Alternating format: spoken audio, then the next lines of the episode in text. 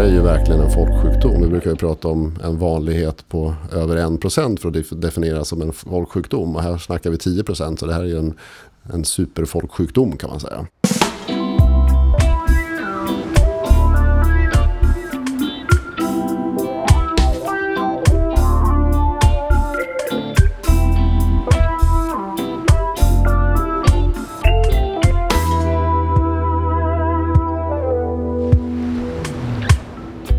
Varmt välkomna till Vårdfrågan. Det är en podd där vi eh, diskuterar vård och tandvård och sjukvård och hur vi kan ge bättre vård till ännu fler. Idag är jag ute i Sollentuna och ska träffa Pelle Lindfors. Frågan idag är egentligen IBS och hur man håller magen frisk. Pelle, du kan väl bara inleda och berätta några ord om dig själv? Absolut trevligt att eh, få komma med i den här podden och prata om magen som är en väldigt viktig fråga för mig. Då. Eh, Pelle Lindfors heter jag och är medicinsk gastroenterolog, det vill säga specialist på mag-tarmsjukdomar utifrån ett medicinskt perspektiv. Eh, och I vårt jobb ingår det ju att diagnostisera och behandla olika sjukdomar som man kan ha i mag-tarmkanalen, ända från egentligen matstrupen ner till ändtarmen, inklusive de inre organen. Och jag jobbar med det här i kanske 15 år eh, och tycker att det här är en liksom medicinens krona på något sätt. Vi vet ju alla hur viktigt det är med magen, alla ordspråk, fjärilar i magen, vägen, vägen till mannens hjärta går via magen och så vidare. Så det finns, magen är liksom central på något mm. sätt. Då. Eh, så jag jobbar kliniskt med det här och bedriver rätt mycket forskning också kring, kring mag-tarmsjukdomar. Då framförallt IBS och funktionella mag-tarmsjukdomar som jag misstänker att vi kommer att prata lite mer om. Mm. Eh, och ja, i övrigt så leder jag och driver det här företaget och är vd för gastromottagningen City och Sollentuna specialistklinik då, som sysslar med endoskopi, det vill säga undersökning av mag-tarmkanalen med flexibla slangar. Eh, och även då mottagningsverksamhet och så, så vi tar hand om patienter, framförallt från primärvården. Mm. Ja. Jag råkar veta att du också är specialiserad inom ett ord som jag aldrig hört förut, hepatologi. Ja, precis. Eh, vad, är, vad är det för något? Hepatologi är läran om leversjukdomar då, och det ingår i vår specialitet. Så det heter egentligen medicinsk gastroenterologi och hepatologi. Så levern följer med så att säga, i paketet i och med att den har en väldigt kraftig koppling till mag-tarmkanalen. Helt Aha. enkelt, en del av den. Och varför är då magen så viktig? Du var inne lite på det i början.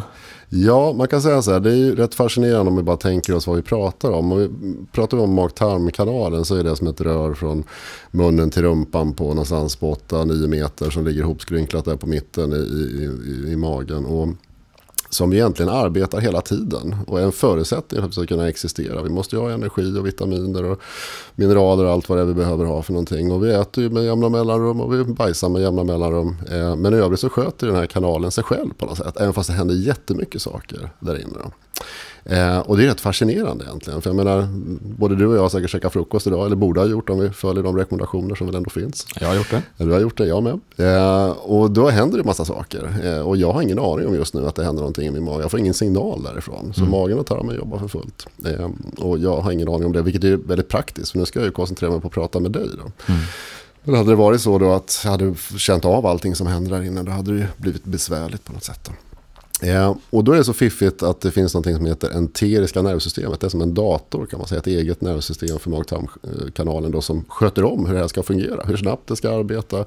vilka saker som ska tas upp och även filtrera bort liksom sådana signaler som vi inte behöver ta del av som bara är normala i mag-tarmkanalen. Eh, så jag tycker det är ett fascinerande system. Eh, mm. Och så viktigt, lika viktigt som alla andra organsystem förstås. Men en nyckel till vår överlevnad och välmående, att det där funkar. Mm. Mm. Apropå magen och välmående då. Hur ungefär ska man äta för att magen ska må bra? Är det just där tre mål mat, frukost, lunch, middag och sen kanske något mellanmål? Är det det som gäller liksom mm. för ja, magen precis. också? Det är en jättebra fråga. Man kan säga det är nog, för de allra flesta så är det viktigt att man äter ganska regelbundet. Då, det vill säga att man äter de här tre större målen då, som man gör, de flesta av oss, frukost, lunch och middag. Men sen mår man nog också lite bra av att äta något mellanmål däremellan så att man liksom belastar systemet lite kontinuerligt över tiden. Mm. En del av oss gör ju så att vi har mycket på jobbet och så tänker vi att Nej, men den där lunchen det hoppar vi nog över. Och så mm. man kommer hem så blir man jättehungrig och då äter man ju kanske jättemycket och jättefort och så blir mm. man och trött av det. Och så, där. så att själva systemet är egentligen gjort för att vi ska liksom hålla det igång hela tiden med, med mm. liksom jämna återkommande täta måltider.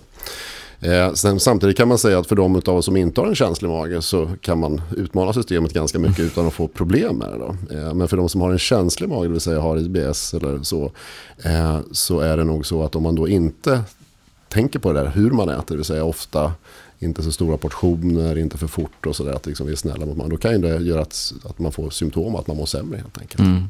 Det är lite olika. Mm. Är magen någon typ av vanemänniska? Alltså om man är van, om man som jag då som är väldigt noga med att äta frukost, mm. lunch, middag ja. klockan sju, klockan tolv, ja. klockan sex. Mm. Är det någonting som ja, som magen ställer in sig på då? Liksom. Ja, det tror jag nog. Precis ja. som allt annat här i världen. Då. Så att, jag menar, är man van att kontinuerligt hålla igång och, och, och motionera och sådär. Och så gör man inte det en vecka, då känner man att det är något som fattas. Så det är väl samma sak ja. också. Att de vanorna vad gäller mag-tarmkanalen och mat och avföringsvanor och sådär. Om det ändras så mår man inte riktigt bra av det heller. Så att det finns nog absolut ett visst mått av vana i det där och rutin. Mm. Och rutiner är ganska viktigt tror jag. Ja. Jag vet, jag pratade eh, också funderat lite kring tandvård där och då är det ju, varnar ju många tandläkare just för så här småätande mm. för tänderna, att ja. tänderna måste liksom vila. Precis. Är det så med magen också, att den mår inte bra av om man hela tiden föder den med så det mår nog, vi har ju en naturlig vilopaus på natten när liksom det sker lite andra funktioner i mag-tarmkanalen. Liksom vilofunktioner då vi inte mm. då aktuellt belastar eh, magen och tarmen med mat. Men Eh, tvärt emot lite mot tandläkarna så tycker vi nog ofta att det är ganska bra att man äter ganska regelbundet och tätt. Alltså vi, vi, våra rekommendationer kan gå emot varandra lite grann där. Då. Men det är klart viktigt att man sköter sin munhygien och borstar tänderna regelbundet och allt vad man nu kan få för rekommendationer från tandläkaren. Då. Ja. Vi ska också prata, eller djupdyka i kan man säga, IBS. Mm. Eh, och då har jag med mig en fråga från en av våra kollegor som heter Sara Banegas, som är allmänläkare ute på Ekerö. Mm. Och eh, jag pratade lite om IBS med henne och hon var, tyckte att det var jätteintressant och ser en del av det i sin, sin vardag. Mm. Det hon undrade då var om du vet vad det egentligen är som ligger bakom IBS och kanske varför det drabbar vissa väldigt hårt och vissa bara lite grann. Mm. Ja, men precis. Det är en väldigt klok fråga tycker ja. jag. Allmänläkare är väldigt kloka oftast eh, och har ju hand om bulken av patienter med IBS. Då. Men vi kan ju backa tillbaka och tänka så här att vad, vad är IBS för någonting? Då? Mm. Jo, men det är ju en vad vi kallar för funktionell mag-tarmsjukdom. Det vill säga att vi har en mag-tarmkanal som är känslig och reagerar på det som är normala händelser. Det vill säga det där som vi sa från början att vi inte skulle få någon information om får man plötsligt information om. Mm. Det vill säga normala saker. Eh, och när man har IBS då är det mest tarmen som är känslig. Det mm. kallas, IBS står ju för irritable bowel syndrome då, eller den känsliga tarmens syndrom. Men man kan faktiskt också ha känslighetsproblematik i andra delar utav mag-tarmkanalen. Ett annat vanligt exempel är att man har känslighet i övre delen av mag-tarmkanalen runt magsäcken, tolvfingertarmen, matstrupen och där. Eh, då kallar man det för funktionell dyspepsi som också är en typ av funktionell mag-tarmsjukdom mm. som liksom härrör till samma grupp kan man säga. Eh, det här är ju jätte, jättevanligt. Vi brukar säga att vanligheten för IBS, om vi tar det som en exempel sjukdom då, av de funktionella mag-tarmsjukdomarna ligger det är ungefär 10-12% av världens befolkning som, som, som, har det här. Om man skulle skicka ut enkäter i samhället så att säga och, och, och försöka diagnostisera den vägen. Eh, men samtidigt så har man ju bara sig själv som referens. Är det som så att man har ganska lite symptom från sin IBS då ser man ju inte sig själv som sjuk och söker aldrig sjukvården och tycker att det är normalt på något sätt. Mm. Så utav de som då skulle kunna diagnostiseras med IBS så kanske det är 40-50% som söker sjukvården någon gång för detta. Um, och det som är lite speciellt med IBS och funktionell mag-tarmsjukdom att då sitter ju problemet just att man får signaler för det som är normalt egentligen. så att säga. Och det kan vara signaler som att man får ont i magen, att man får trassel med avföringen, lös mm. i magen, hård i magen eller omväxlande, uppblåsthet i magen och så. Eh, och vi har, hur mycket vi än undersöker patienten, så att säga, tittar med endoskopi eller röntgar eller tar prover eller allting, så ser allting normalt ut. Därför att det är mm. liksom känsligheten som är problemet och funktionsrubbningen snarare än att det är några strukturella avvikelser som vi ser. Mm. Så det betyder att man ställer diagnosen ut efter internationellt uppställda kriterier. Då. Mm kallas för Rom 4-kriterierna. De uppdateras då med jämna mellanrum, de här från 2016. Och de säger att det gäller IBS, då ska man ha ont i magen, mm. med viss vanlighet så att säga. Det ska vara återkommande i vardagen. Man ska också ha kopplat en, någon form av tarmfunktionsrubbning, det vill säga lös i magen, hård i magen eller mm. omväxlande. och det ska också finnas någon slags samband mellan det onda och tarmtömningen. Det vanligaste kanske är att man har ont i magen och så får man gå på toan och bajsa och så blir det lite lättare med det onda. Mm. Till exempel. Eller att man har mer ont i perioder när man är mer lös i magen eller mer mm. hård i magen. Eller sådär. Så det finns liksom en koppling där.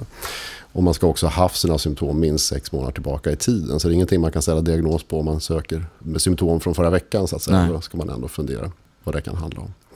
Ehm, och vi vet att det här är jättebesvärligt för många, eh, för de som söker sjukvård framförallt förstås. Ehm, men det är helt ofarligt, det vill säga att man dör inte av det här eller så, men man får en dålig livskvalitet förstås. Mm. Man blir påverkad vad man gör i livet och så. Ehm, och vi vet också att eh, det kostar mycket pengar för samhället. Det är väldigt mycket undersökningar gjorda på den här typen av patienter. Man har lite svårt från sjukvården att lita lite grann på de här kriterierna som man använder sig istället av någon slags uteslutningsdiagnostik. Då, då blir det att man kanske råkar ut för en massa undersökningar som man i grund och botten inte har förmodat att man kommer att hitta någonting på. Mm. Eh, och då kanske det är viktigt att vi mer lutar oss mot de diagnostiska säga, instrument som vi har då, i form av kriterierna och så. Eh, men för att återgå till frågan varför det blir så här då, för det var mm. det som var den medskickande frågan egentligen. Så är det klara svaret att vi vet inte riktigt. Eh, men vi vet så här att Eh, vi har ju det som varseblir oss, det sker ju i hjärnan så att säga. Det är där vi kan liksom, det är där signalet tas hand och, och, och liksom bearbetas så det blir en medveten signal från kroppen. Och det här enteriska nervsystemet som jag pratade om från början, mm. mag-tarmkanalens nervsystem, det är ganska mycket självgående. Så det släpper bara igenom signaler när det behövs. Mm. Men jag har inte IBS eh, och skulle jag sitta här och få en gallsten till exempel, mm. då är det mm. ganska bra att jag förstår det. Så då ska det kunna gå en smärtsignal från min mag-tarmkanal upp till min hjärna så jag kan knacka på någon kollegas dörr här och få hjälp eller vad det kan vara för någonting. Eh, men det som bara är normalt ska inte kännas. Eh, så, så det, är, eh, det är liksom kommunikationen mellan enteriska nervsystemet i mag-tarmkanalen och det centrala nervsystemet, det är hjärnan då, som är nyckeln i det här på något sätt. Och då brukar man prata om något som heter brain-gut axis, det vill säga kommunikationsvägarna då mellan mag-tarmkanalen och mm.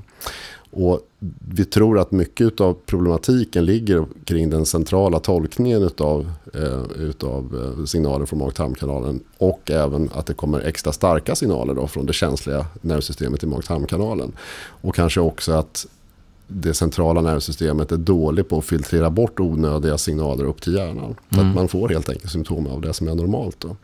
Men vad det sen är som ger detta, eh, mm. det vet man inte riktigt. Det finns mycket funderingar kring detta. Eh, något som är väldigt eh, så att säga, inne nu forskningsmässigt är att titta på, eh, på bakteriesammansättningen i tjocktarmen. Eh, vi bär ju alla på någonstans på ett halvt till ett kilo bakterier. Mm. Eh, som vi kanske historiskt sett har mest tänkt att ja, men det är väl bara onödigt att ha dem där. Men då har man noterat med modernare forskning att det är fullständigt nödvändigt för hälsan. Att, mm. att vi har en bra balans i vår tarm. Och då tänker man att om man då har en vad vi kallar för dysbios eller en, en så att säga, dålig balans i mag-tarmkanalen kan påverka då kanske via slemhinnan i tarmen, det enteriska nervsystemet, att bli extra känsligt. Så att det skapar det här signalerandet av onödiga orsaker, så att säga, eller normala, normala, eh, normala saker som händer ger, ger symptom helt enkelt. Um, och sen vet vi också att den centrala tolkningen, alltså var, vad som händer uppe i hjärnan när vi stimulerar tarmen ser olika ut i, från eh, patienter som har eh, IBS och känslig tarm och de som inte har det. Då. Lite olika typer av smärtcentran och så som tänds. Och därav också att man ibland kan behandla IBS faktiskt med psykologisk behandling, vilket är mm. ganska fascinerande. Och då ändrar vi kanske på det centrala moduleringen av de signalerna som kommer. Mm. Så det var ett väldigt långt svar på en kort fråga. Men det korta svaret är att du vet inte. Och det långa svaret är precis det som jag har gått igenom nu. Och att det är mycket, mycket forskning som pågår. Mm. Eh, och det här är ju verkligen en folksjukdom. Vi brukar ju prata om en vanlighet på över 1% för att definiera som en folksjukdom. Och här snackar vi 10%. Så det här är ju en en superfolksjukdom kan man säga. Mm. Eh, så, och vi kan inte bota det här. Vi, vi, har ingen, vi skulle vilja ha control alt delete på något sätt på det mm. enteriska nervsystemet. Ja, det var jättebra, starta om det. Men det vi kan göra idag är att fokusera på att eh, få patienten att må bättre helt enkelt. Och få mindre symptom på olika sätt. Eh, och det kan vi många gånger absolut uppnå på ett bra sätt. Och sen också förstås att ge en, ge en diagnos och förstå vad det är för fel på min mag-tarmkanal och kunna förklara det på ett bra sätt. Det är ganska utmanande förstås när vi inte har några fynd att peka på. Det märks att du har jobbat med det här i 15 år. Ja, eller hur? det, bara, det bara bubblar ut. Ja, ja men lite, lite så. Det är alltså, dels bara det här pedagogiska och ha ett, eh, det korta svaret och, och det långa mm. svaret. Mm. Eh, bara det är ju väldigt ja, det mm. pedagogiskt. Eh, men jag, jag, tänkte två saker. Mm. Dels, är, finns det någon eh, känsla för om det här är någon form av välfärdssjukdom? Är det här mm. vanligare i västvärlden än i exempelvis Afrika eller andra mm. delar av lite mer underutvecklade mm. länd, eh, delar av världen. Mm. Och har det blivit vanligare? Och i så fall är det för, kanske för att man har mm. blivit bättre på att diagnostisera det? Mm. Eller har det de facto blivit vanligare? Mm. Eller vet man inte? Nej. Nej, men det är en jättebra fråga. Man kan säga att traditionellt sett längre tillbaka har man trott att det är lite grann av en ilandssjukdom. Att det inte finns så mycket ute i de mindre utvecklade delarna av världen. Då. Men det finns studier från, från fattiga delar i Afrika och från Bangladesh till exempel. Som mm. visar att det finns IBS där också, funktionell mag-tarmsjukdom. Men där överskuggas det nog av andra saker som är mycket mer hotande i vardagen. Svält och andra sjukdomar och så som vi inte har här. Så det blir inte lika mycket på bordet där så att säga. Som mm. det blir. Men det, så, det, så det, det, finns nog lite överallt i världen kan man säga. Eh, och de studier som finns, prevalensstudier, alltså hur vanligt det är runt om i världen, de är gjorda på lite olika sätt och lite olika tider. Så det kan finnas en regional skillnad förstås, men det finns, det finns överallt. Eh, sen så är det så att en sak som jag tror att som gör att det här har kommit mera så att säga, upp på bordet nu på senare år. Det är dels också att vi har ett, ett ökande intresse för det här. Mm. Eh, titta bland mina kollegor, alltså medicinska gastroenterologer, så har vi historiskt sett liksom behandlat funktionell mag-tarmsjukdom ganska styrmodligt. Det vill säga vi har inte varit så intresserade av det. Mm. Så har man sagt att det där får gå till din vårdcentral och ta hand om. Och vårdcentralen har inte haft de, de liksom eh, verktyg och kanske kunskap alla gånger heller. Och patienten har blivit ställd väldigt ensam med sina många gånger besvärliga symptom. Mm. Man har fått en klapp på axeln och säger att ja, men det här är i alla fall inte farligt. Nej men det är det ju inte då. Men det är ju rätt illa ändå om det påverkar livskvalitet och, och hindrar i livet och det är besvärliga symptom mm. och sådär. Eh, men jag tror att det här speglar nog att forskningen eh, och det moderna samhället gör att det som besvärar liksom befolkningen, det är det vi försöker titta och lära oss mer om. Då. Mm. Eh, så att det är absolut så att det här är med på bordet nu. Och, så det, det har blivit viktigare. Och jag, för mig är det här fullständigt obegripligt att man som medicinsk gastroenterolog inte tar sig an den här typen av sjukdomar och tycker att andra sjukdomar som leversjukdomar eller inflammation i tarmen eller så är så oerhört mycket viktigare. Mm. De är också viktiga men inte viktigare. Utan mm. det här är, det är lidandet hos befolkningen som vi är satta att ta hand om inom medicinen. Vi mm. pratar ju skattepengar och så. Så, att, så det här är viktigt. Men på vilket sätt, om man bara tar två olika fall då i IBS, mm. där ena är kanske lite mildare och andra mm. är lite hårdare. Ja. Hur, hur liksom drabbar det enskilda individer mm. då, om man tar de två ytterligheterna? Man ska säga? Precis, och då, då kommer det till en intressant fråga. Då. Vad är det som gör då att IBS är lindrig hos en individ än den mm. andra? Och det vet vi ju inte riktigt förstås. Men vi tänker oss så här att om man har ett läge där man blir väldigt, väldigt orolig för sina symptom exempelvis. Eh, då kan det vara så att man förstås blir stressad av sina symptom. Och stress vet vi är någonting som fungerar nästan som en volymskontroll på känsligheten i en redan känslig mag-tarmkanal. Så då kommer man in lite grann som i en ond cirkel. Då, att mm. Oro för symptom föder symptom. Så att säga. Mm. Och sen är det också så att en del är helt enkelt känsligare än andra. Men båda har IBS så att säga. Och varför det är så det vet vi inte riktigt heller. Men, men det vi ofta ser ändå eh, det är ju att det finns ofta någon anledning till att man då söker vård. Jag pratade ju om förut att av hela det här IBS-spannet så att säga så som kanske har en vanlighet på, på 10% skulle mm. betyda kanske en miljon människor bara i Sverige. Så merparten av dem söker ju inte sjukvård. De kan man ju då kanske definiera som en grupp man skulle kunna kalla för IBS-människor. Det vill säga att man lever med sin diagnos egentligen. Och, och det är ju inga konstigheter med det, det är ju inte farligt. Så att så länge man inte blir hindrad i livet och mår okej okay, så är det bra. Och sen har vi de andra som man då skulle kunna etikera som någon slags IBS-patienter som söker sjukvård. Och jag tror att man, man, vill liksom, man kan skjutas på den där linjen åt olika håll. Då. Till exempel om vi har en IBS-patient som vi tar väldigt väl hand om, hjälper till med symptomen, förklarar vad det är för fel och sådär. Då kan vi skjuta den personen från att vara en IBS-patient till att bli en IBS-människa. Även om vi inte mm. botar den så gör vi livet bättre och det funkar och man, man blir inte orolig och så längre.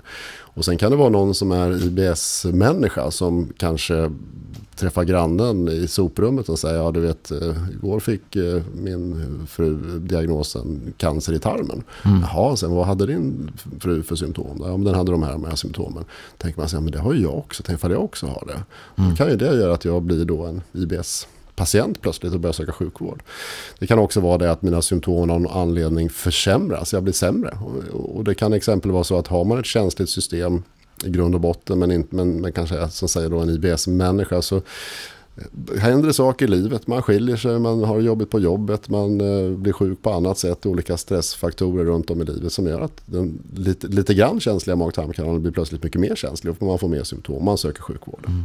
Så att det är liksom som ett kontinuum där vi skjuter lite fram och tillbaka. Jag tycker det är en ganska mm. bra bild att se det. Och det, våran uppgift är att hjälpa IBS-patienterna att bli IBS-människor. Mm.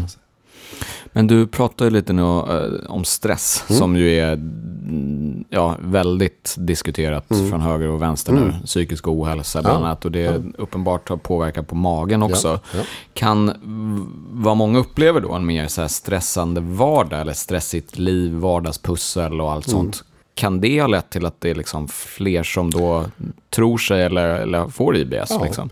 Alltså man kan säga att om man, om man då har ett sånt liv som är väldigt stressigt och så är man en av de där som är liksom känslig i grund och botten. Mm. Men då, då, kanske just det för den personen betyder att det blir sämre, blir, blir mer symptom så att säga just för att man, man är stressig. Så att, eh, en person som har en förmåga då att ha en, en känslig mag-tarmkanal mår sannolikt är, är, alltså är det ännu viktigare för den personen att ha här, sömnrutiner, eh, ha ett bra liksom, flow i livet och försöka att stressa mindre och sådär. Det blir väldigt flummigt för vad är stress? Det är olika för olika personer. Mm. Man brukar prata om positiv stress och negativ stress. Vad är det? Det är, det är mycket ord så att säga. Eh, men det får man nog utgå från individen egentligen och mm. fundera på. Att man, men, men så att säga rutiner, eh, återhämtning, alla sådana saker är nog viktigare om man har en känslig mag-tarmkanal än annars. Mm. Ser du någon, är det vanligare i någon ålderskategori, män, kvinnor? Ja, det är en jättebra fråga också. Det vi vet är att om vi tittar över hela IBS-populationen så är det ungefär dubbelt så vanligt att vara kvinna som man. Eh, och det vet man inte riktigt varför det är så. Man förstås det är ju klara skillnader rent biologiskt mellan män och kvinnor. Och, eh, och bland annat så har vi ju eh, hormonspegeln, alltså vad vi har för hormoner som är, är, aktiva i olika delar av livet och vad som skiljer man och kvinna som möjligen kan påverka. Det vet vi inte riktigt. Mm. Men det kan ju vara ett spår. Eh, man kan också tänka sig att som kvinna, tror jag i alla fall, så har man historiskt och även idag kanske en mycket större börda eh, i livet. Alltså vi har ju jobbstressen, den har vi väl mm. kanske lika mycket allihopa då. Men så tar ju kvinnor tyvärr fortfarande ett större del av utav vardagspusslet hemma med barn och planeringar för sociala aktiviteter och skötsel av hus och hem och sådär. Mm. Så det är klart att då får man ju en större belastning och blir väl mer stressad också. Så, så det är väl också en spaning, även om vi liksom inte riktigt vet. Men det kan man ju tänka sig att det, att det kan vara så. Mm. Eh, men, men det är vanligare hos kvinnor och så ser vi också ofta att ju sämre man mår, ju ännu mer vanligt blir det att man blir kvinna. Så att det är de som mår allra sämst är det så att säga, ännu vanligare att vara kvinna än att vara man. Så, att säga. Ah. så det finns någonting där i könsskillnader men vi vet inte riktigt eh, vad det beror på. En annan spaning man kan ha också det är att om man, om man har IBS då är det mag-tarmsymptom man har som vi har pratat om. Men då finns det också en massa andra saker som är vanligare hos de som har IBS. Alla mm. har ju inte allting, men ju mer problem man har från mag-tarmkanalen, ju lättare eller ju större risk är att man får andra symptom också. Som till exempel trötthet och energilöshet, kopplat på något vis till detta. Eh, muskelverk, ledverk, lite som fibromyalgi, alltså känsliga muskler. Eh, ryggverk, eh, känsliga urinvägar. Eh, man får ont när man har samlag till exempel, vilket förstås är väldigt besvärligt och ger en dålig livskvalitet. Eh, det är vanligare också med inslag av ångest och nedstämdhet och sådär. Så det är klart att är man då en patient som har en besvärlig IBS och så raddar man upp en helt, flera stycken av de här andra symptomen som man kallar för extraintestinala symptom på ett mm. snällt, mm. eller på ett fint språk. Då. Alltså sånt som är vanligare vid IBS än om man inte har IBS. så, så kan man ju tänka sig att livskvaliteten åker riktigt ner i skoskaften. Då. Och mm. vi är också lite dåliga inom sjukvården liksom att plocka ihop det här på en bricka och berätta att har man IBS då är det så att man ofta är trött och energilös, energilös utan att man har någon vitaminbrist eller lågt blodvärde eller någon annan specifik orsak till det. Mm. Till exempel. Eh, och, och, så det är också någonting som påverkar hur man mår av sin IBS, det vill säga hur mycket så här, tilläggssymptom man har. Mm. Mm. Och ser du i någon, i någon särskild ålder som det här dyker upp eller är mer besvärligt? Eller är det, är det just mitt i livet personer, kvinnor? Liksom? Alltså det här är nog någonting som egentligen finns i alla åldrar. Man kan säga historiskt sett så har väl barnläkarna generellt sett varit ganska försiktiga med att sätta IBS-diagnos. Där har man mest utrett och så att säga, sett till att det inte är någon annan sjukdom som är symptomen. Då. Mm.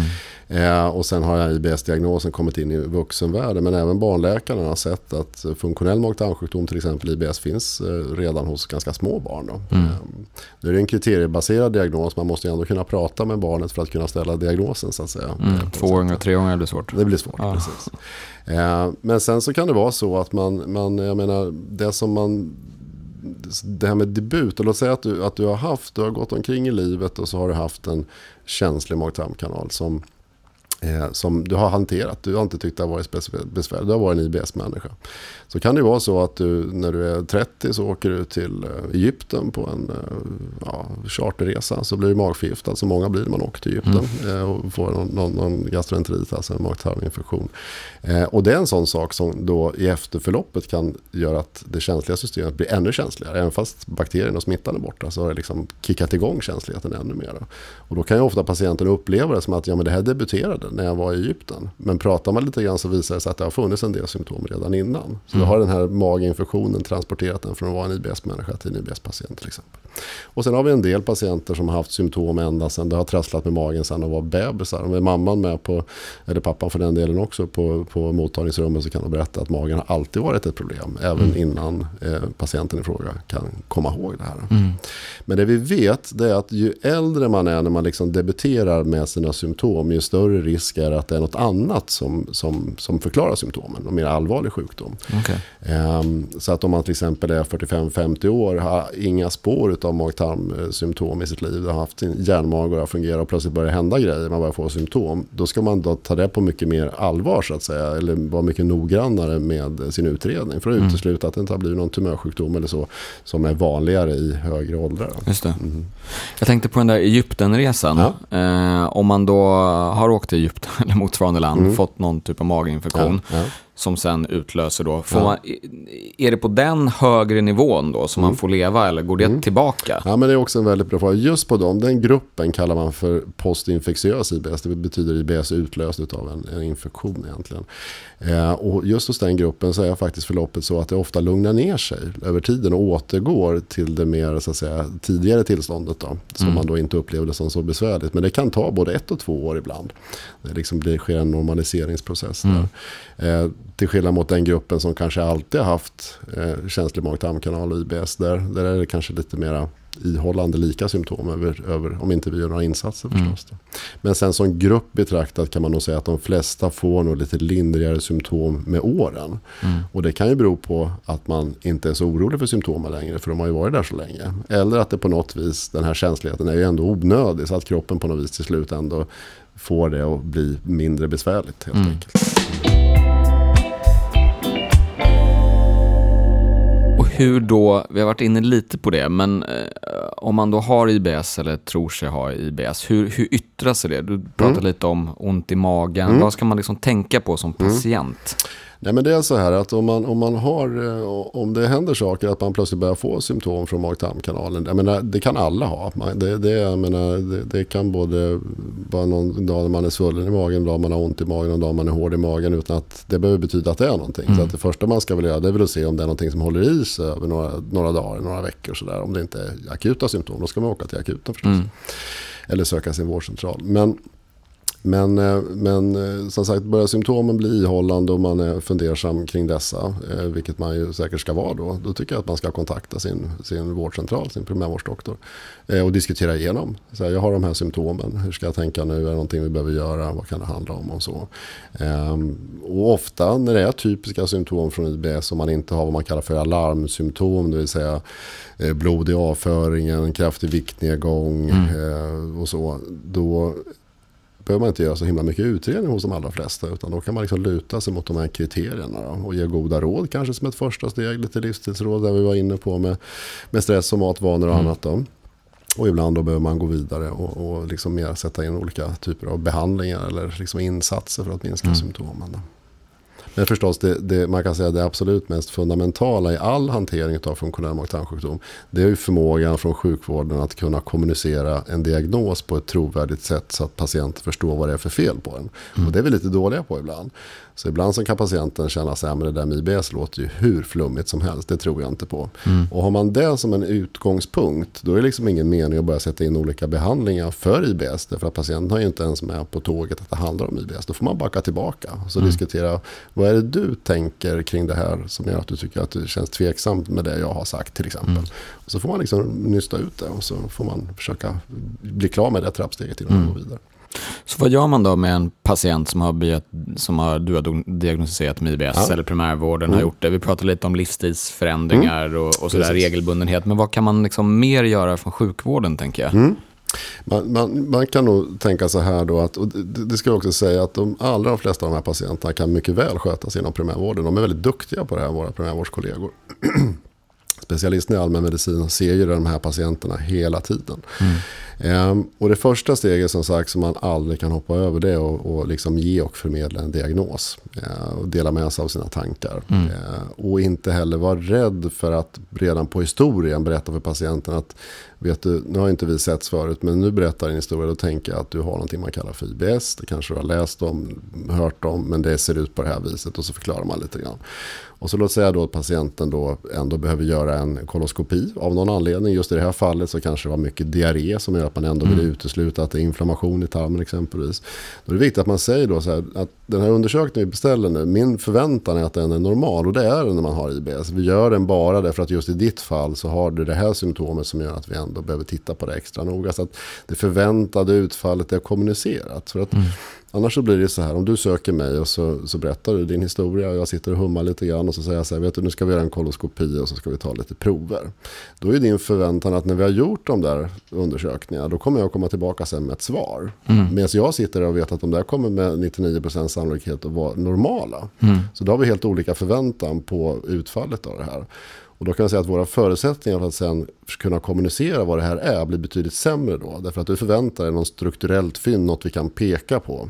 Och då blir det lätt att då spinner iväg och så blir det vidare utredning och vidare utredning. Och när jag så småningom känner sig att ja, men nu kan jag inte försvara att göra mer utredningar och säga men du har nog IBS. Då blir det extremt dålig trovärdighet på det här förstås. Mm. Så att därför är det viktigt då hur vi hanterar patienterna. Um, så att, men kommer man så långt att vi är överens om att det är IBS, det är kommunicerat, det känns liksom rimligt och bra. Eh, och vi har på något vis skakat hand på det du och jag. Mm. Då är det första steget är just att prata lite enkla livsstilsråd tycker jag. Eh, och då är det sådana här saker, man ska ofta luta, eller man ska alltid luta sig på forskning och förstås beprövad erfarenhet när det gäller råd, rådgivning. Sådär. Men det vi vet är att hur man äter är en väldigt viktig faktor. Det vill säga har man en känslig mag-tarmkanal så mår man bättre om man äter ofta, inte stora portioner på huvudmålen och långsamt. Mm. Och en del är ju uppenbarligen så, men jag hoppar alltid över lunchen. Mm. Eller jag eh, äter alltid jättefort. Ja, men då kanske de enkla råden kan göra att du verkligen gör en skillnad på hur du mår. Och då, mm. Målet är ju hur du mår. Målet är att du ska må bättre. Det målet är inget annat så att säga. Så att det är viktigt att man kommer ihåg de här enkla råden. Eh, fysisk aktivitet i form av motion vet vi från studier bland annat på Sahlgrenska. Eh, att det är väldigt viktigt då. Så över tid om man då har en, en så att säga, regelbunden fysisk aktivitet, eh, sådär, något man trivs med och tycker är bra, eh, så mår man bättre och får mindre, mindre känslighet i mag-tarmkanalen. Mm. Och sen är det också viktigt att resonera om det här med stress. Då. Mm. Eh, och det var ju som vi var inne på förut att stress kan vara lite grann som en volyms, volymskontroll för känsligheten i mag-tarmkanalen. Och då ska vi komma ihåg att stress är ju ett väldigt laddat ord. Va? Kommer mm. du till mig och säger så här, men du Erik, du ser lite stressad ut. Eller när jag frågar så här, är du stressad då? Mm. Då, tänk, då går ju du i försvar att nej, jag är inte stressad, så det är inget problem. Och sen så lägger du armarna i kors och så har vi liksom hamnat snett från början. Utan då är kanske en bättre ingång att säga så här, det fungerar så här hos de flesta med IBS att har man perioder av stress då är det som att dra upp volymskontrollen på känsligheten och så kan det vara så att man får, får eh, mer symptom. Och så kan man bara vara tyst en stund. Och då är det så, känner du igen det? Så här, ja men just det, så känner jag också igen. Då blir det inte så laddat liksom. Eh, och då kan man ändå adressera det att perioder av försämring, för det går ofta lite upp och ner med hur mycket symptom man har över tid, eh, kan då kanske förklaras över då tider när man är mer stressad helt enkelt. Och då mm. kanske man då kan hitta insikter själv till i sitt liv då hur man ska liksom få ner sin stress. Det kan ju inte sjukvården ta hand om på det viset, men man kan ändå få det inspelet så att säga. Och en del kan fråga, men vad, vad, gör, vad gör man då om man är stressad? Men då kanske det är just det här med fysisk aktivitet, att ge sig iväg på en lång promenad själv, eh, få lite tid. Det är också att stressa av så att säga. Och så mm. får man den fysiska aktiviteten på köpet. Vissa tycker att yoga låter ju jätteskönt. Meditation, mindfulness. Eh, ta en egen 45 minuters stund varje dag när man lägger sig i, i sängen och lyssnar på en bok eller läser en bok. Det kan vara jättemånga mm. olika saker som man ändå kan liksom göra. Så, så, att adressera stressen, hur man äter och fysisk aktivitet. Det låter jättetrivialt men det kommer man ofta en bit på vägen och ibland mm. ganska långt hos den enskilda patienten. Så det är väl ett första steg. Då. Eh, sen då om patientens agenda och min agenda då uppenbarligen också eftersom det är patientens agenda som styr i det här läget är att liksom sätta in mera specifika åtgärder. Mm. Då kan man säga att man har tre, man har liksom som en liten meny kan man säga med tre rätter på den. Mm. Eh, och det ena är att gå vidare och titta närmare på kosten, det vill säga vad vi äter. Inte hur vi äter, för det hade vi pratat om redan, utan vad vi äter. Eh, och där ska jag väl säga att vi som är medicinare och, och, läkare, vi är ganska dåliga på att ge kostråd generellt sett. Så då ser jag alltid till att jag samarbetar med en bra dietist som man kan koppla in då. Och då kan man titta mer specifikt på den typen av kost som patienten äter och se att kan man göra några justeringar där. För det finns en del i kosten som kan göra att man lättare får symptom om man har en känslig mag-tarmkanal. Och då kan man då lägga om kosten med lite stöd för att må bättre. Då. Eh, ett exempel på en tämligen ny, nyhet, nyhet i den kostbehandlingsbranschen är att man har på senare år börjat titta mer på vad man kallar för jäsande kolhydrater. Alltså sockerarter mm. som har en förmåga att jäsa när de kommer ner i mag-tarmkanalen. Och hos oss som inte har IBS spelar liksom inte det någon roll att äta sådana kolhydrater. Vi får inga symptom i alla fall. Men när det är känsligt så kan det göra att man lättare får symptom. Mm. Och då kan en, en, ett sätt vara då att man minskar på de där jäsande kolhydraterna. Man kallar det för FODMAP eller Fermentable mm. Oligodin Monosaccharides and Polyols. Det är en agronym för att man äter minskad, minskad halt av ah.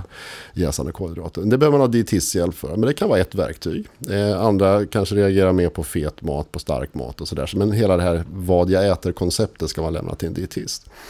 Ehm, och sen så har vi då medicinsk behandling, det vill säga läkemedel på olika sätt som syftar till att minska symptomen i mag-tarmkanalen som är känslig. Då. Ehm, och det brukar, då brukar man liksom utgå från den, det symptomet som patienten tycker är jobbigast. Då. Är det så till exempel att smärta är ett besvärligt symptom, att man har mycket ont i magen, man tycker att, ja, men det är att jag är lite hård ibland eller att det är löst, eller så, det, det, det, är inte hela världen, det kan jag hantera, men det är smärtan som är jobbig. Mm. det är den man ska adressera. Tvärtom, är det, smärtan är inte det värsta utan det är diarréerna som är ett elände, och då är det mm. dem man ska adressera.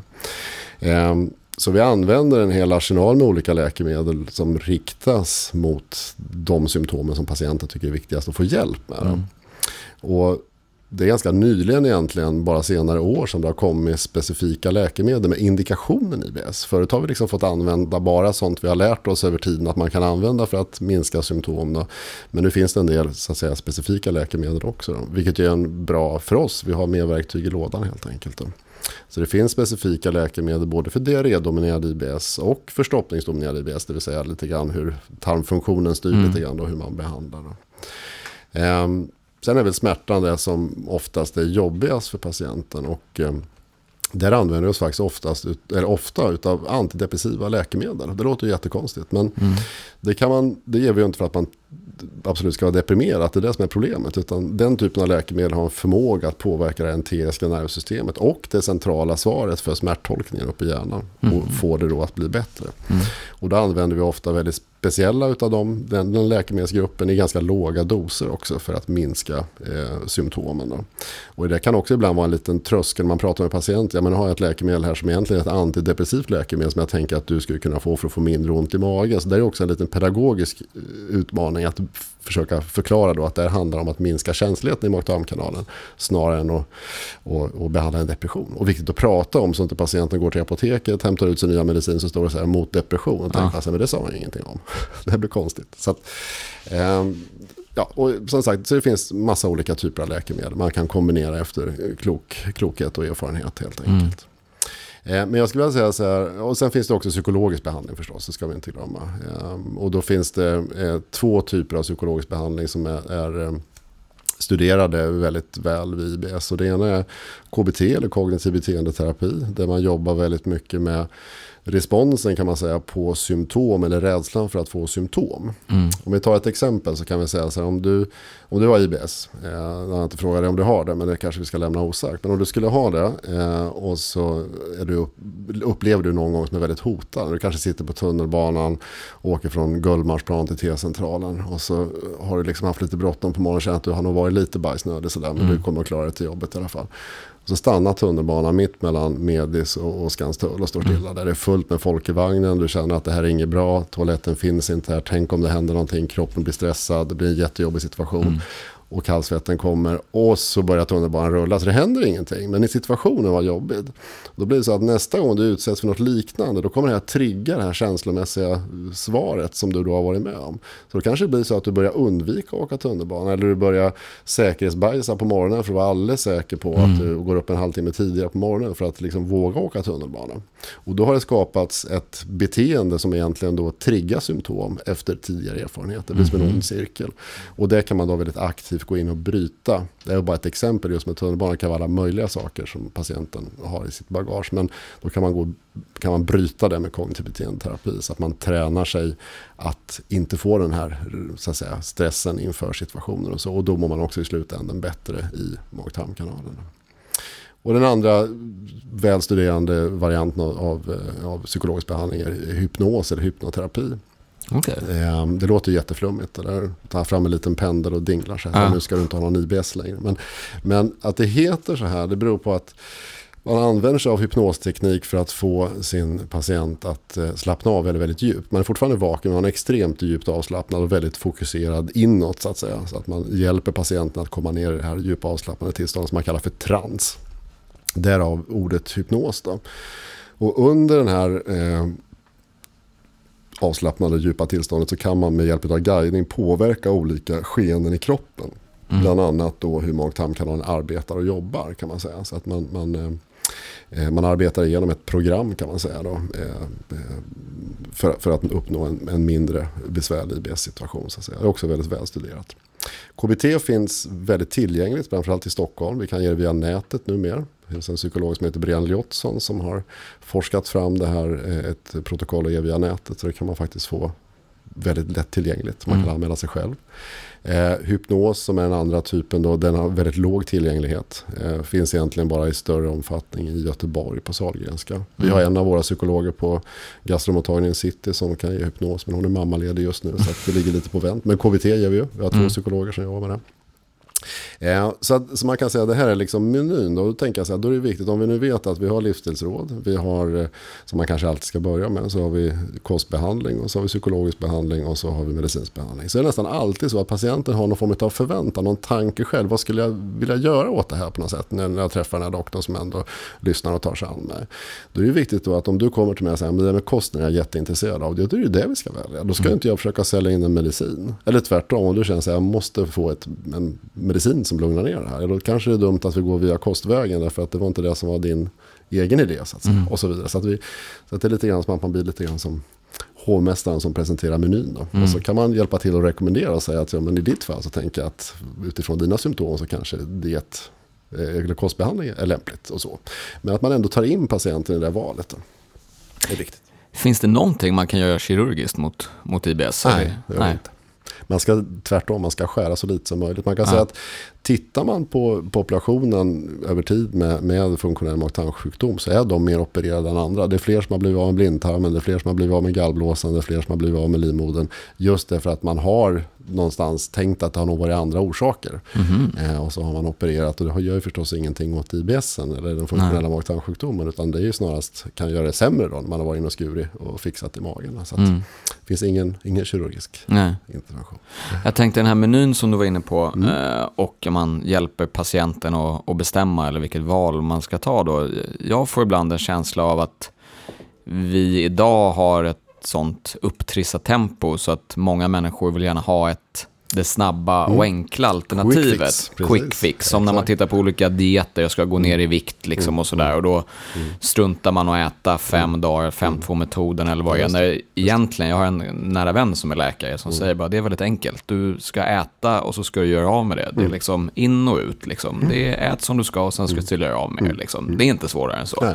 Eh, men visst, det kräver lite mer från dig eh, än läkemedel, än att bara så, här, sluta äta. Hur, hur, har du någon känsla för det? Absolut, och vi, vi brukar nog, vi som jobbar mycket med det här brukar nog just adressera den frågan att det finns ingen quick fix. Nej. Jag hade ju önskat att det fanns en. Hade jag gjort kontroll av rit på ditt nervsystem med ett litet piller i mag-tarmkanalen, då hade gått, eh, nästa dag hade allting varit eh, alright. Då hade det varit bra, men det finns ju inte.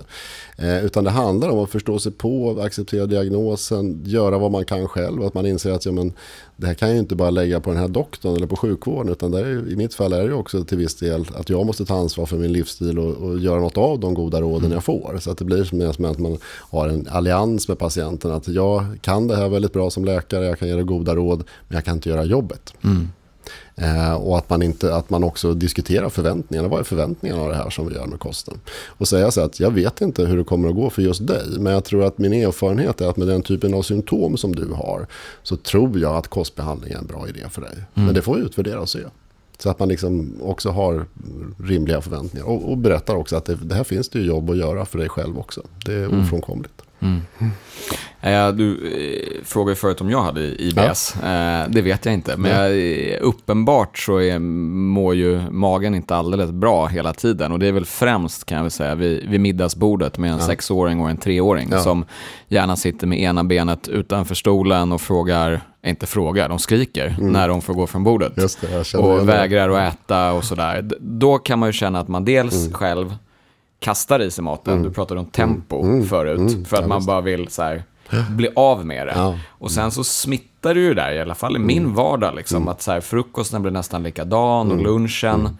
Ja, lunchen är väl kanske det lugnaste målet på Ja, dagen när man äter med kollegor. Men frukost och middag med två småbarn, det, det är ju sällan lugnt. Ja.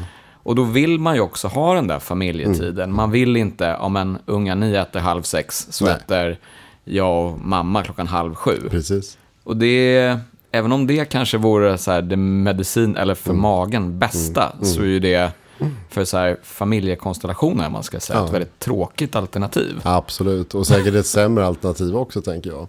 Men då tänker jag så här, jag menar, det var din, din tankegång som jag tolkar det var att du har inte varit speciellt orolig för att det har varit lite besvärligt med magen när du har ätit dina mer stressade måltider. Och, och då är väl det fine, därför att då uppväger ju att du får sitta vid samma bord som dina barn och, och stämma av dagen och, och så vidare. Ehm, så som sagt, även om vi skulle fylla i ett symptomformulär vad det gäller IBS för dig, då kanske du skulle ha den diagnosen. Det är möjligt, därför att du uppvisar ju vissa symptom. Men å andra sidan så är du uppenbarligen ingen IBS-patient. Nej. Så att, eh, ja. Nej, men det, det tror jag, alltså jag, någonstans, det, det, det har ju blivit tuffare sen man fick barn. Men jag Mm. Ja. märker ju att det går ju ner, om man är bortrest, bara jag och Mm. eh, min fru då, då är det inte alls samma liksom. Och det är väl Eh, ganska typiskt också. Det är väl de här vardagsstressorerna som blir mindre. Och, det, och då kanske också viktigt med sådana återhämtningsperioder så att säga ibland. Att man tar den där lilla helgen någon gång, skaffar barnvakt och åker iväg. Eller att man, ja, vad det nu är. Eh, och, får känna att ja, men det finns en basfunktion som funkar. Och då kan man ju ännu mer koppla ihop det. Att ja, men när det är stressigt då är det lite bökigt med magen. Det är inte mer med det så att säga. Nej, jag tycker det är en skillnad bara på helgerna. Framförallt frukosten. Liksom. Ja. Då är alla mycket mer harmoniska. Man ska Precis. inte iväg till skolan Nej. och dagis och jobbet och sådär. Man Exakt. tar sig lite den tiden. Ja, liksom. ja men precis. Ja, men Så det, nej, det är inget jätteproblem. Nej, men, nej, jag förstår. Nej, men det är intressant. För det, det, det speglar väl lite grann det här att mag-tarmsymptom är, vi- är vanligt. Liksom. Så är det.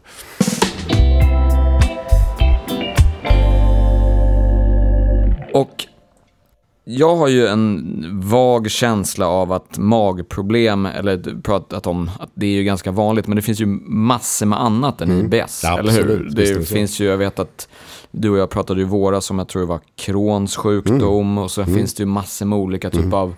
Absolut. matallergier eller intoleranser. Jajamensan. Eh, Kan du inte berätta lite mer om det, om vad det här liksom kan vara också, eller blandas ihop med. Absolut. Nej, det vi har pratat om så här långt är ju funktionell mag-tarmsjukdom som är liksom den vanligaste diagnosen mm. helt klart. Men sen har vi inflammation i tarmen då. Eh, där det finns lite olika varianter. Det finns Crohns sjukdom, det finns ulcerös kolit, det finns något man kallar för mikroskopisk kolit och så. Där det är en underliggande inflammation i mag-tarmkanalen då som, som liksom ger upphov till de symptom man har. Och där har, blir det en helt, dels så blir det mycket lättare på något sätt att, eh, att kommunicera det vi tittar in i din tarm, tittar samtidigt på, på tv-skärmen där vi ser din tarm från insidan och säger, ja men se där är det rött och sårigt. Ja men då förstår man, okej okay, det finns ett problem där inne. Så då, då, har vi den delen som är lättare att kommunicera. Och sen är det också, där har vi ju mycket mer det här med klassiska, den medicinska behandlingen. Vi går in med antiinflammatorisk medicin på olika vis, tabletter eller dropp eller vad det nu kan vara för någonting vi, vi väljer att ge. Med målet då att inflammationen ska så att säga läka ut då, mm. och att du ska må bra. Då finns det ju en koppling kring hur mycket inflammation man har och hur man mår och så. Då. Eh, så man kan säga att våra stora panorama förutom funktionella mag-tarmsjukdomar det är inflammatorisk tarmsjukdom. Eh, de patienterna går ju hos oss som specialister i gastroenterologi mm. över tid. Så att säga. Så de, de, de sköts inte via primärvården som många gör med funktionell mag-tarmsjukdom. Och sen har vi olika typer av leversjukdomar. Mm. Eh, vi har den här intoleransbiten och det vanligaste där kanske det är just det här med glutenintolerans eller celiaki då, där man reagerar i tarmen på det lilla proteinet som heter gluten då, mm. som finns fram, framförallt i vete men även i några andra sädeslag som ger upphov till en, en process i tarmslemhinnan som gör att man får symptom och sämre upptag av vitaminer och annat också. Då. Där kostbehandling är ju den behandling, tar man bort den lilla mm. molekylen så att säga ur kosten och äter glutenfritt. Då. Mm. Eh, och så, så får man må bra igen. Mm. Celiaki är lite intressant tycker mm. jag. En nära vän som jag har känt jättelänge. Hon mm. blev diagnostiserad med det i början 2000-talet, mm. tror jag. Mm. Eh, och då visste väl, tror jag, väldigt få vad det här var. Mm, det. Och hon var hos många läkare som mm. inte kunde mm. eh, diagnostisera henne. Ja, ja. Och sen så, ja, kom det en sån diagnos och hon hade haft symptom som psoriasis-liknande. Mm, mm. Och hon hade också blivit väldigt yr vid massor med ja, tillfällen och sådär. Precis. Och det, är det vanliga symptom? Att det, ja, man kan ha, det är inte gäller, bara ont i magen? Nej, liksom. precis. När det gäller celiaki finns det många olika symptom man kan ha. Alla olika manifestationer, även hudmanifestationer. Ja. Så att man får olika utslag och sådär. Eh, också trötthet, brist på olika saker som B-vitaminer och annat. Eh, på grund av sämre upptag i tarmen. Mm. Man kan också bli det påverkar själsligt, blir nedstämd och sådana saker eh, kopplat till det här. Alltså att ibland har man väldigt tydliga mag-tarmsymptom och ibland väldigt lite mag-tarmsymptom. Så det är en liten sån här slamkrypare som det är alltid bra. Det är ganska enkelt att kontrollera för celiaki, i alla fall göra en en screeningundersökning genom att ta mm. antikroppar genom ett vanligt blodprov för att se om det är plus eller minus. Verkar det vara antikroppar, ja då går man vidare och så tittar man ner i tolvfingertarmen med en gastroskop och så tar man prover på slemhinnan och tittar på i mikroskop för att fastställa diagnosen så att säga. det var det hon fick göra. Ja, precis. Mm. Ja, men det är väl så. Och sen är, sen är det ju livslång glutenfri behandling då som gäller och hos de allra flesta av dem så når man ett läge där man mår bra igen och de olika manifestationerna utav reaktionen på gluten försvinner i kroppen. Men så både celiaki och de här Crohns sjukdom och ulci... Ulcerös kolit. Ja. De är kroniska, det får man leva ja, med. Liksom. Ja, det kan man säga, precis. De är, men då är det ändå att, jag menar i celiakifallet så, så länge du då äter din glutenfria kost så ser det ju och fungerar du normalt ut och ser normalt ut i tarmen. Tarmen återställer sin, sin slemhinna och sådär. Mm. Och vad det gäller, eh, vad det gäller eh, inflammatorisk tarmsjukdom, då det vill säga inflammation i tarmen, så är ju vårt mål med behandling, modern behandling, det är att man man ska ha en underhållsbehandling där man är inflammationsfri och då mår man ju också bra. Mm. Eh, det kallar man att man är i remission, alltså att man är i ett lugnt läge där man inte har någon aktiv inflammation. Men sen förlöper det ofta lite skovis att man kan ändå ha liksom uppblossning av den här inflammationen i, i olika perioder och då kanske det är ett tecken på att man får styra om behandling eller förbättra den eller ändra den och byta klass på behandling och sådär. Eh, men, men vi är väldigt noga med att skapa inflammationsfrihet när det gäller inflammatorisk tarmsjukdom då, på olika mm. sätt. Då. Och där har vi väldigt mycket i verktygslådan vad det gäller den medicinska behandlingen. Det har gått väldigt mycket framåt de senaste 10-15 åren där. Mm. Man kan bland annat ge vad man kallar för biologisk behandling med antikroppar mot immunförsvaret kan man säga. För immunförsvaret, grund, grundproblemet med inflammatorisk tarmsjukdom det är att immunförsvaret som normalt sett är en god vän som hjälper mm. oss att liksom hålla koll på inkräktare i form av bakterier och virus och så. Eh, skapar då inflammation men av fel anledning. Det vill säga att det skapar en inflammation i tarmen trots att det inte fanns någonting som behövde bekämpas där. Och då blir okay. det som en kronisk sjukdom istället. Och då kan man ge behandling som stänger av det inflammationssvaret på en väldigt så att säga på en väldigt fin, finstämd nivå i form av antikroppar mot, mot immunförsvaret kan man säga. Mm. Mm. Men bara de här eh, celiaki då, är det en allergi eller är det en tolerans? Eller vad, vad kallar man det? Det är liksom, en intolerans. Intolerans. Ja, Och det här med laktosintolerans då, fi- finns det? Eller är det... Absolut, det Ja, finns det. det. Ja. Och laktosintolerans, det är så att vi, när man äter, när man dricker mjölk eller mjölksocker, Mm. laktos, då, så finns det speciellt enzym i tunntarmen som klipper isär den här molekylen så att den blir möjlig att absorbera genom tarmväggen. Mm. Eh, och en del av oss, och väldigt många i världen, har då inte det här enzymet som kallas för laktas då, i tarmen. Mm. Och då kan inte den här laktosmolekylen sugas upp i tunntarmen, då går den vidare ner i tjocktarmen och då blir bakterierna jätteglada för då får de någonting att kalasa på. Och då blir det vild aktivitet hos dem och så blir det en massa jäsningsreaktioner och sådär Mm. på grund av den här ätandet av laktosen från bakteriesidan. Så. Och så kan man få symptom av det. Mm. Eh, och tittar vi över världen då så är det ju oerhört vanligt. Ju längre söderut vi kommer mot ekvatorn och ner så, så ju fler är det som har, har laktosintolerans, det vill säga saknar det här enzymet. Då. Och i de kulturerna så dricker man ofta mindre mjölk också. Eh, och då blir inte det ett problem så att säga. Medan om man då har den, den genuppsättningen och kommer till Sverige där vi har väldigt mycket mjölkbaserad kost då, så kan ju det vara en orsak till att man börjar få symptom om man lägger om sin kost. Mm. Eh, Men med laktosintolerans till skillnad mot glutenintolerans så är det så att där är det inte farligt att få i sig laktos. Det enda som kan hända är att man får symptom i form av att man får magtarmsymptom, bubblig mage, lös mage och sådär, magknip. Som kan blandas ihop då med IBS Ja, misstänker jag. absolut. Och det kan Ja. ibland vara en del i IBS också. Ja. Att man liksom, så att, att eh, råd kring laktos kan vara en viktig del i dietistens rådgivning. Ja, och, och laktos är också en av de här jäsningsbara kolhydraterna. Oavsett om man har enzymet eller inte så kan laktos hos dem i IBS göra att man får mer symptom fast man inte är laktosintolerant. så säga.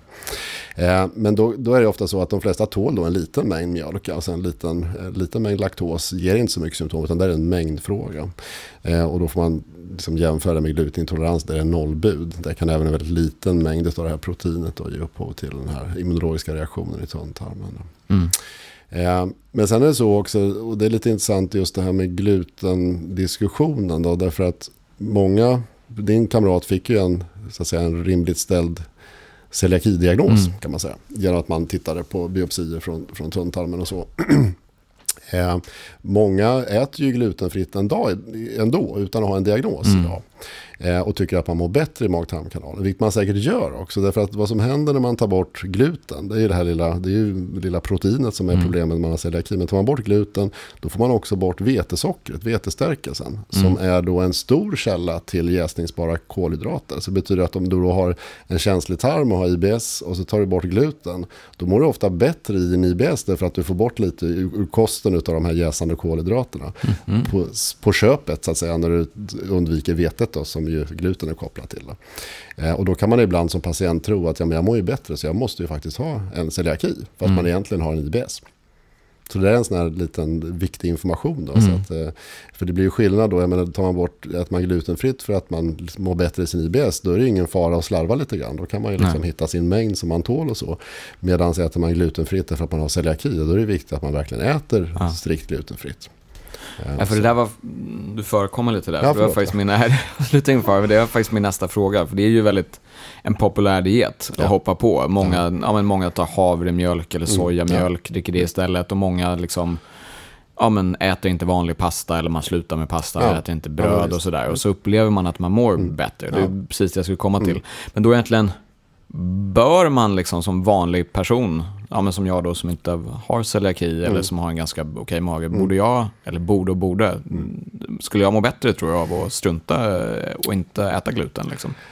Jag tror, jag tror inte, absolut inte man ska ge någon allmän rekommendation att man ska äta glutenfritt så. Men det är klart att om man då till exempel har IBS och träffar en dietist så kan ju då rådet i med målet att äta mindre av de jäsningsbara kolhydraterna kan faktiskt bli att man äter glutenfritt. För att då får man ju med sig en stor del av dem i form av vetestärkelse samtidigt.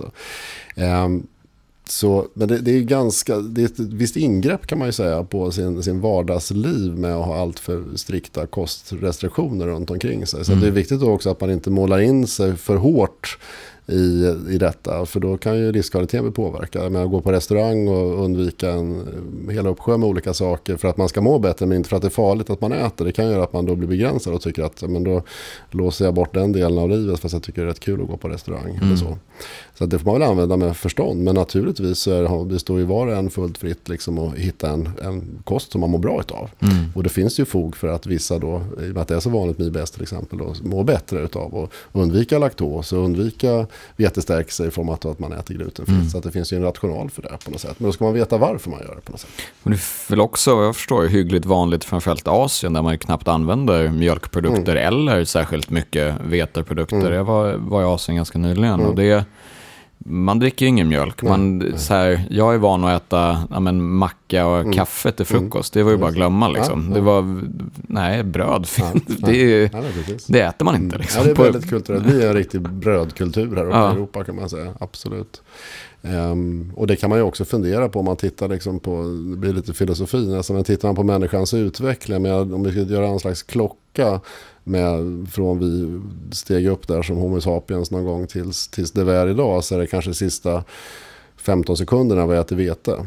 Mm, uh, just det. Så att våra kroppar är väl kanske inte riktigt från början heller konstruerade att äta det vi gör idag. Det, är väldigt, det har gått väldigt fort på slutet att vi har lagt om vår kost. Det är, inte bara ved, det är många olika saker. Mm. Färgämnen, eh, tillsatser och så vidare. Och så vidare. Eh, så det är klart att det som är så finurligt med evolutionen det är att vi brukar anpassa oss till våra nya förhållanden. Men på sista sekunderna på den här klockan av mänskligheten så har det gått väldigt, väldigt fort. Mm. Eh, och det kan ju vara så att vi liksom inte riktigt har hunnit med att anpassa oss, allihopa i alla fall. Mm. Mm. Jag tänkte det här med IBS också, bara för jag vet att vi pratade lite innan vi körde igång här om att ni har någon, vad ni kallar IBS-skola. Mm. Mm. Där en hel del av de här professionerna som du har nämnt, dietist, psykolog och ja. sådär med. Kan inte du bara berätta lite om vad det är för något? Absolut, och där tänker vi så här att eh, kunskap är makt. Alltså har man någonting som man lider av och tycker är jobbigt att fundera kring så är det bra att kunna mycket om det. Mm. Eh, och då är det här med IBS-skola, det är en form av patientutbildning som, som traditionellt sett bedrivs i grupp. Då. Eh, där man då eh, får utbildning av de olika professionerna kring en sjukdom, i det här fallet IBS. Då. Så vår IBS-skola är så att man träffas eh, på sen eftermiddag eh, en gång i veckan i tre veckor. Eh, och så träffar man först mig eller någon kollega som pratar mm. liksom, om medicinska aspekterna. Håller som en liten föreläsning men också en diskussion. Då, för det är en ganska liten grupp, kanske åtta personer eller så som är med. Mm. Och sen så nästa gång träffar man dietisten som pratar om kostimplikationerna till att ha IBS, hur man kan tänka där. Och sen träffar man psykologen. Eh, och då får man liksom olika aspekter på det här och förhoppningsvis då så ökar man sin kunskap om sin sjukdom. Men faktiskt också de studier som finns och det är framförallt från Salgrenska då där man har utvärderat IBS-skola väldigt väl vetenskapligt. Så ser man att man faktiskt mår bättre och får mindre IBS-symptom av att man har ökad kunskap och har gått mm. IBS-skolan. Vilket ju säkert blir av skälet då att man, man kan mer och man blir mindre stressad, man förstår vad det handlar om helt mm. enkelt. Ehm, så, så vad vi gör nu, vi öppnar ju gastromottagningen City här i april då, och där har vi en fokus på våra mag-tarmmottagningar kunna ta hand om alla patienter. Både de med inflammatorisk tarmsjukdom, celiaki och sådär. Men också de med funktionell mag-tarmsjukdom. Och då är mm. IBS-skola ett väldigt bra eh, redskap. Och vi har också den öppen för primärvården. Så att är det så att man har en patient i primärvården som man känner att ja, men den här skulle de behöva kunna mer. Då kan man remittera till oss, få gå IBS-skolan och sen kommer den tillbaka utan att passera någon av oss specifikt på mottagningsrummet. Så kan man då, okay. skolan är tillgänglig. Ja. Och det vi gör nu också precis i eh, nere på Sahlgrenska. Jag pratar mycket om Sahlgrenska beror på att jag har, är med i en forskningsgrupp där nere. Mm. Eh, som väl jag tycker är de som kan det här bäst i Sverige, Magnus Simrén och kompani. Eh, där gör vi just nu en studie, eh, eller har gjort och fortsätter att göra, där vi eh, sjösätter IBS-skola via internet också. Mm -hmm. mm. och den presenteras nu eh, på Europamötet här i oktober. Ska jag presentera den i Wien. Och där kan vi då, jag kan inte avslöja så mycket men vi kan väl säga att det verkar som att det går lika bra att leverera IBS-skola via internet som det gör att göra det i gruppformat. Och det skulle ju då kunna öka tillgängligheten. För det här mm. finns alldeles för lite med tanke på att det är så mycket patienter. Så det är väl en utvecklingspotential där, att man har mm. en, en nätbaserad IBS-skola helt enkelt. Ja, det är väl allt mer som sköts eller kan skötas ja, på nätet. Ja, liksom. De, de saker som är kloka ska man utnyttja den ja. kommunikationsvägen på, absolut. Ja. Det är viktigt bara att man utvärderar allt vetenskapligt och ser att vi gör rätt grejer och sådär. Men det är ju vi sådär att vi ska ju alltid ner och gräva och forska allting för att kunna servera det sen. Så, men det har, så är det. Så nu gör vi också en fortsättningsstudie där vi, där vi låter patienter, istället för att lotta som vi gjorde i en första studie mellan grupp IB-skola och internetskola, eh, eller via nätet, då, så får patienten välja. Och så Okej. ser vi om, om valet, för det kan ju vara så att man har olika preferenser. Du kanske skulle välja internet och jag skulle välja grupp. För jag skulle, och då kanske det också påverkar vad man får ut av skolan. Mm. Så att vi fortsätter att titta på det. Mm. Jag tänkte en sista sak här kring IBS eh, som jag inte frågade förut. Ärftlighet. Mm. Finns det något sånt bakom det här? Ja, ser man det, det? det, gör det ju säkert på något sätt. För vi ser ju att det är ofta mer, det är vanligare i vissa familjer. Ja. Men däremot har det inte varit så lätt att liksom knyta det till någon specifik gen eller så. Inte solklart i alla fall. Så det är mycket forskning som pågår där. Men, men det finns någon form av vad vi kallar för familjär anhopning. Det vill säga att det finns, det är vanligare i vissa familjer då, ofta. Så kan man säga. Men vi vet inte riktigt hur det är kopplat till genetiken eller om det finns en del av det sociala kanske också. Att man ärver på något sätt reaktionsmönster Ja. och så från sina föräldrar. Det kan ju vara flera vägar in. Men att det nog är vanligare i vissa familjer, det tror jag absolut man kan säga. Ja, det är ju beteenden är ju ärftligt. Jag jobbade en del med sjukförsäkringsfrågor här innan jag började på praktikertjänst. Och det här, är psykisk ohälsa eller sjukfrånvaro är någonting som också vad jag förstår går i, lite i arv. Ja. Om man är Ja.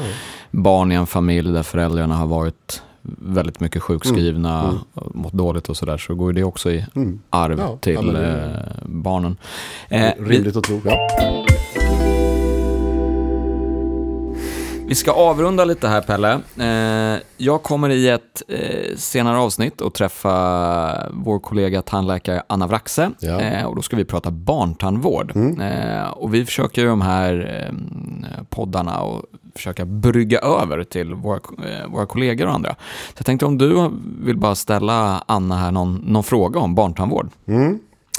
Ja, det barn, det har ju, som förälder har man ju förstås alltid en eh, egen erfarenhet av det här med barntandvård och man kan notera att eh, ens olika barn har upplevt det lite olika och sådär. Men eh, generellt sett, hur upplever barn att gå till tandläkaren? Är de rädda? Eh, hur hanterar man det i sådana fall? Eh, ja. Det blir bra. Det är precis det jag och Anna ska inleda lite om. Hon har ett lite speciellt sätt att bedriva barntandvård. Det är lite Jag som, en, som ett kalas hos henne. Spännande. Eh, Två gånger om året tror jag hon kör. Ja. Men då var det allt för idag. Tack så mycket för att vi fick komma hit idag. Tack för mycket att jag fick komma. Ja, jätteintressant.